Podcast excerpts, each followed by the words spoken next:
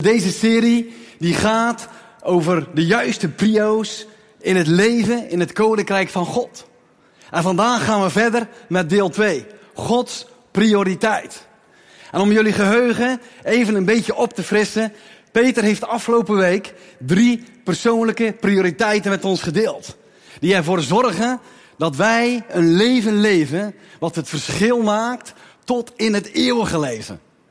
Peter gaf ons drie prioriteiten. Vrucht voorbrengen. Alles achter je laten. En Jezus volgen in de wedergeboorte. En de rode lijn die terugkwam in zijn boodschap was het koninkrijk van God binnen in ons is. Wij leven en wij bewegen in dat koninkrijk. Omdat wij wedergeboren christenen zijn. Wij zijn de ambassadeurs van zijn koninkrijk hier op deze aarde. En Jezus zegt dat in Lucas 17, vers 20 en 21. Het koninkrijk van God komt niet op waarneembare wijze. En men zal niet zeggen, zie hier of zie daar. Want zie, het koninkrijk van God is binnen in u. En wij weten inmiddels dat dit koninkrijk bestaat uit drie belangrijke dingen. En als het goed is, kunnen jullie dat dromen. Het koninkrijk van God bestaat uit gerechtigheid, uit vrede en uit blijdschap door de kracht van de Heilige Geest. En als wij leven en als wij bewegen in dat koninkrijk, dan ervaren en dan weten wij dat we de kinderen van God zijn. Dat we gerechtvaardigd zijn door ons geloof. Dat we geen zondaren meer zijn. En dat we een leven onder de genade. Een koninkrijk van hoop. Een koninkrijk van leven. Een koninkrijk dat zal bestaan tot een eeuwigheid. Dus als we het hebben vanmorgen over first thing first. Als we het hebben over Gods prioriteit. Dan zien wij één rode lijn door de Bijbel heen. En dat is de hoogste prioriteit van onze Vader. En Jezus zijn Zoon. En dat is het vinden van mensen die nog niet in zijn koninkrijk lezen en bewegen. We zien door heel de Bijbel heen dat hij bewogen is over mensen. En dan in het bijzonder die mensen die nog niet leven in zijn koninkrijk. Hij wil maar één ding. Dat zoveel mogelijk mensen overbrengen naar het koninkrijk van het licht. En dat ze zullen ontdekken en zullen ervaren hoe geweldig het is om onderdeel te zijn van dat koninkrijk. Een koninkrijk wat leven geeft. Een koninkrijk wat hoop geeft. Een koninkrijk wat blijdschap geeft. Een koninkrijk wat vrede brengt. De naam van de koning van dat koninkrijk is Jezus Christus. Hij is de enige naam boven alle andere namen. Weet je, een overbekend vers uit Johannes 3, vers 16. Ook dat kunnen jullie dromen. Want God had de wereld zo lief dat hij zijn enige geboren zoon heeft gegeven. En de wereld kun je je eigen naam invullen. Je eigen naam.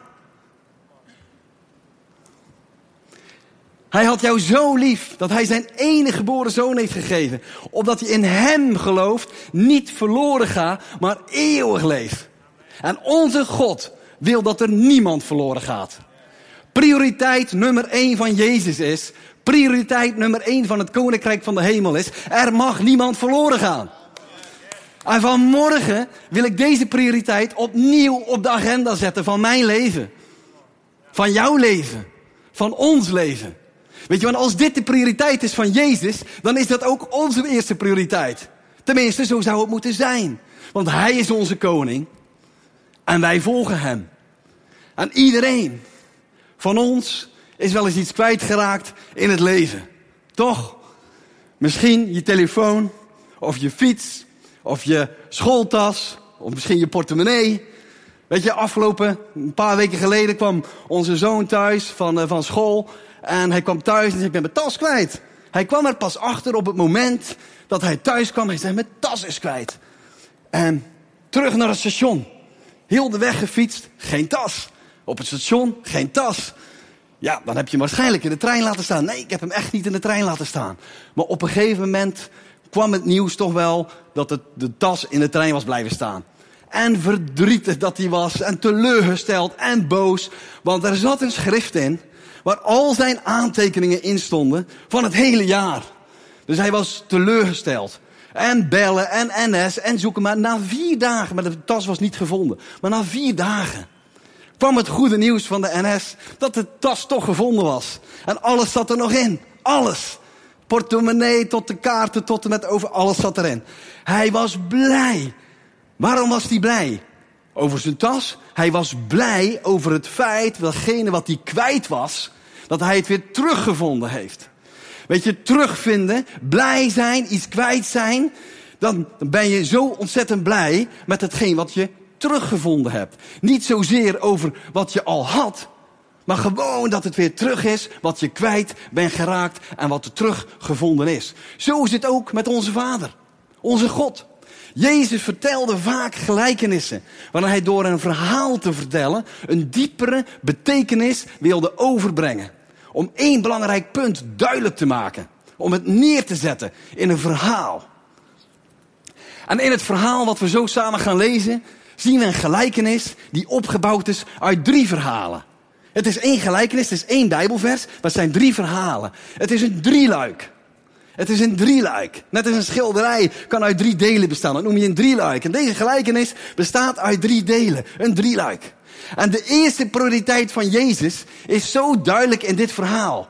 In al deze drie verhalen, één verhaal, drie verhalen, is iets of iemand iets kwijtgeraakt, iets verloren en hij vindt het weer terug. En dan kunnen we lezen, elke keer als je dat verhaal leest en ze vinden terug, is er een feestje. Is er grote blijdschap. Dat zien we elke keer terug na die drie verhalen. We gaan ze straks lezen. En degene die het terugvond, die zegt, vier feest. Ik heb teruggevonden wat ik kwijt was. Laten we het lezen in Lucas 15. Dan begint Jezus deze gelijkenis te vertellen, omdat de schriftgeleerden, de religieuze mensen, commentaar hadden op Jezus. En ze namen aanstoot aan Jezus, omdat hij met de tollenaars en met de zondaren tijd zou doorbrengen. Sterker nog, dat hij zelfs met hun aan tafel ging om te eten. En toen begon Jezus een verhaal te vertellen van de volgende gelijkenis. En de gelijkenis van het verloren schaap staat in Lucas 15. Lucas 15. Welk mens onder u die honderd schapen heeft en er één van hen verliest, verlaat hij niet de 99 in de woestijn en gaat achter het ene verloren schaap aan, totdat hij het vindt. En als hij het gevonden heeft, legt hij het vol blijdschap op zijn schouder. En als hij thuis komt, dan roept hij zijn vrienden en zijn buren bijeen en zegt hij tegen hen, wees blij met mij, want ik heb mijn schaap weer teruggevonden dat verloren was. En ik zeg u dat er evenzo blijdschap zal zijn in de hemel over één zondaar die zich bekeert. Meer dan over 99 rechtvaardigen die de bekering niet nodig hebben. Wat Jezus hier laat zien aan zijn luisteraars is dat hij bewogen is over iedereen die verloren raakt. Zelfs als hij de 99 rechtvaardigen achterlaat, met alle risico's van dien, om dat ene schaap, die ene verloren schaap te gaan zoeken. Want iedereen weet dat een schaap wat niet terugkomt, dat zal sterven. Wat alleen achterblijft, dat zal sterven. Dat schaap zal worden verslonden door de wilde dieren. Weet je, er staat zo'n mooie tekst in Johannes. Omschreven in Johannes 10, vers 9 en 11. En dan zegt Jezus ook het volgende. Ik ben de deur. En iemand die door mij binnenkomt, zal behouden worden. En hij zal ingaan en uitgaan en weide vinden. Maar de dief, die komt niet dan om te stelen, om te slachten, om te verdelgen. Maar ik ben gekomen, zegt hij, opdat ze leven hebben in overvloed. Ik ben de goede herder. Ik ben een goede herder. En ik zet mijn leven in voor zijn schapen. Weet je, dit verhaal laat werkelijk het hart van onze God, van onze Vader zien. Dat Hij iedere persoon die nog niet in de vrijheid leeft, die nog niet in de vrijheid en het koninkrijk van de hemel leeft, weet je, dat hij er tijd en aandacht aan besteedt. Daar gaat het verhaal over. Weet je, en dan gaat Jezus verder. Gewoon, gewoon verder. Het is geen nieuw stuk. Gewoon Lucas 15 en het gaat over een verloren munt. En het gaat over een vrouw Welke vrouw die tien penningen heeft en één penning verliest, steekt zij niet een lamp aan En veegt ze niet het hele huis schoon en zoekt ze zorgvuldig totdat zij die vindt. En als ze hem dan gevonden heeft, dan roept ze haar vriendinnen en haar buurvrouwen bijeen en zegt ze, wees blij. Zie je weer, wees blij met mij, want ik heb de penning gevonden die ik verloren had.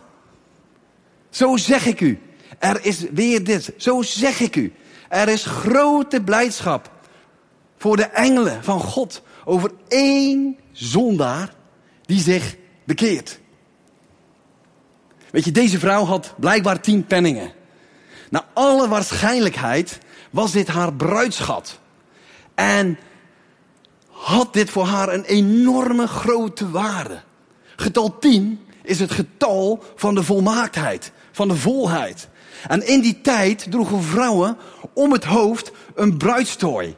Ze droegen de munten als een ketting van, eh, van, van, van munt naar munt. Wat, wat, en de munt die kwijt was, die kwijtgeraakt was in deze gelijkenis, was de ontbrekende schakel in de ketting. En ze zocht net zo lang tot het verloren stuk gevonden was.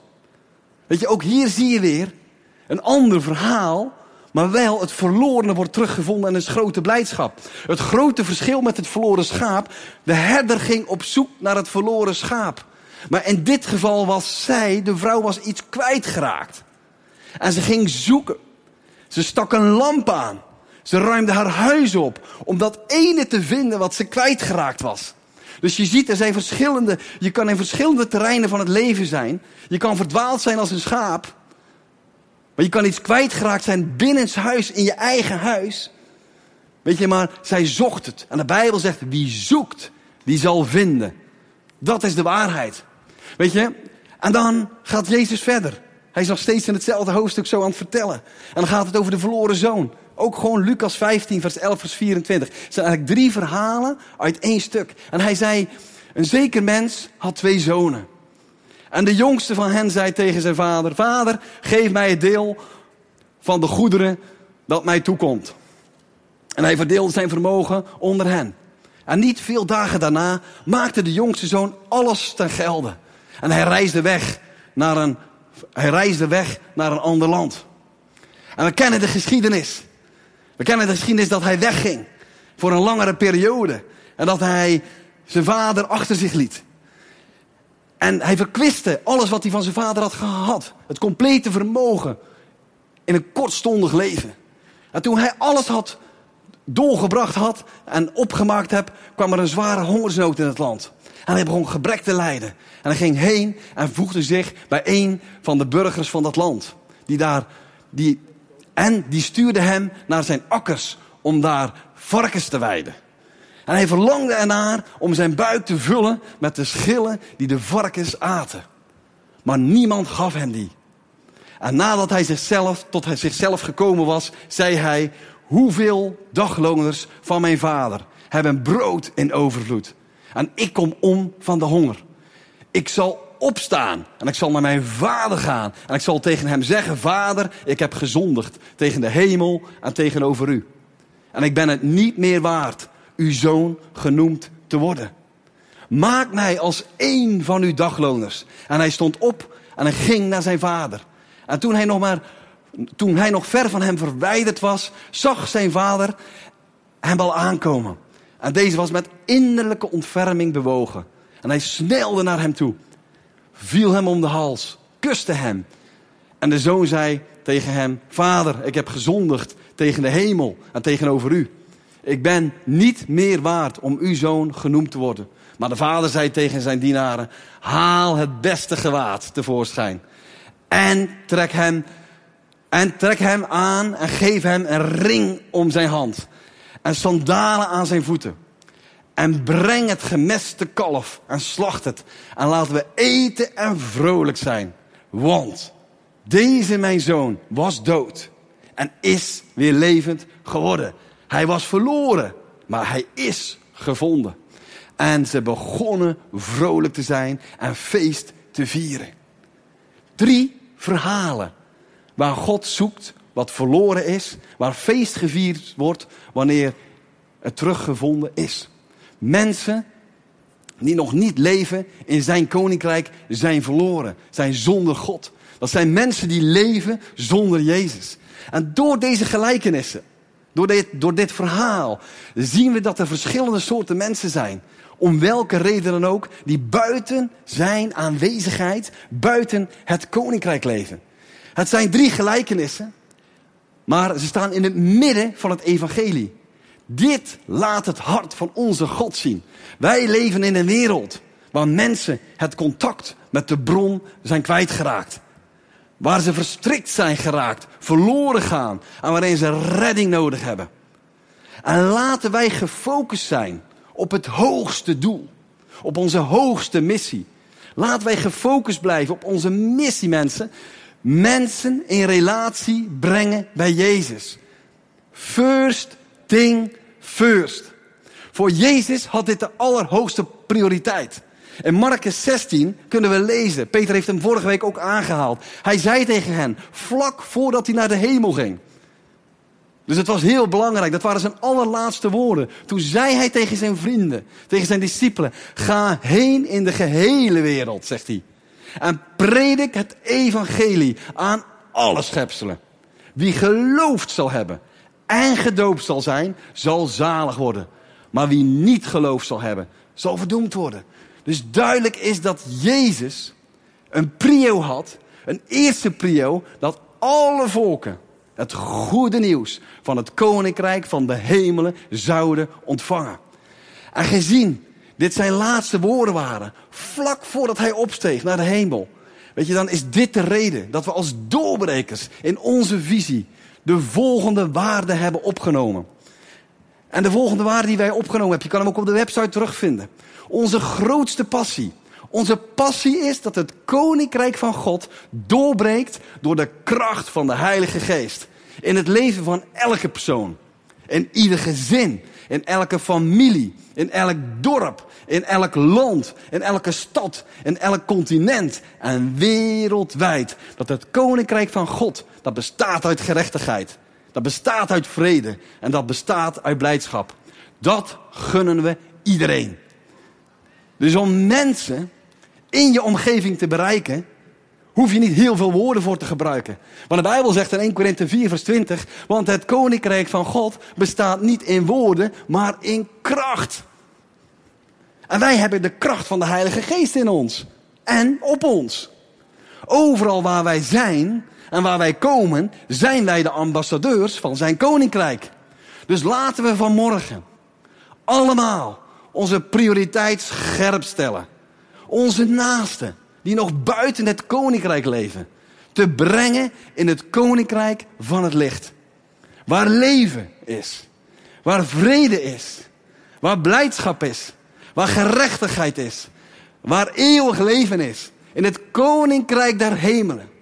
Weet je, laten we, met laten we gewoon met elkaar onze ogen sluiten. En laten we een moment nemen om de Heilige Geest vanmorgen de ruimte te geven om namen in ons hart te laten schrijven. Om ruimte te maken voor die mensen. Weet je, die, in, die nog leven buiten het koninkrijk der hemelen. Weet je, Jezus maakte altijd tijd. En ruimte. Om tijd met deze mensen te besteden. Hij at zelfs met ze. Hij nam vriendschap met ze. Weet je, om het goede nieuws van het koninkrijk van de hemelen en van zijn vader te vertellen. Vader, we danken u deze morgen dat u ons opnieuw, opnieuw uw prioriteit laat zien van uw hart. Dat uw prioriteit uitgaat naar alle mensen die nog buiten het koninkrijk van u leven. Vader, in deze morgen verklaren we in de naam van Jezus dat uw koninkrijk van gerechtigheid, dat uw koninkrijk van vrede en dat uw koninkrijk van blijdschap zal doorbreken door de kracht van de Heilige Geest in het leven van iedere persoon, van ieder gezin, van elke familie, in elk dorp, in elke stad. En dat alle mensen in dit land zullen weten dat u onze koning bent in dit land het koninkrijk van God zullen zien en zullen beërven. We spreken het uit in de naam van Jezus. gerechtigheid, vrede en blijdschap. Over al onze dierbaren, maar ook over onze vijanden, over onze buren, over onze collega's, over dit land. Vader, over Europa, over onze regering. Vader, dat uw koninkrijk zal komen. En zal doorbreken in dit continent, in deze wereld, in de naam van Jezus. Amen.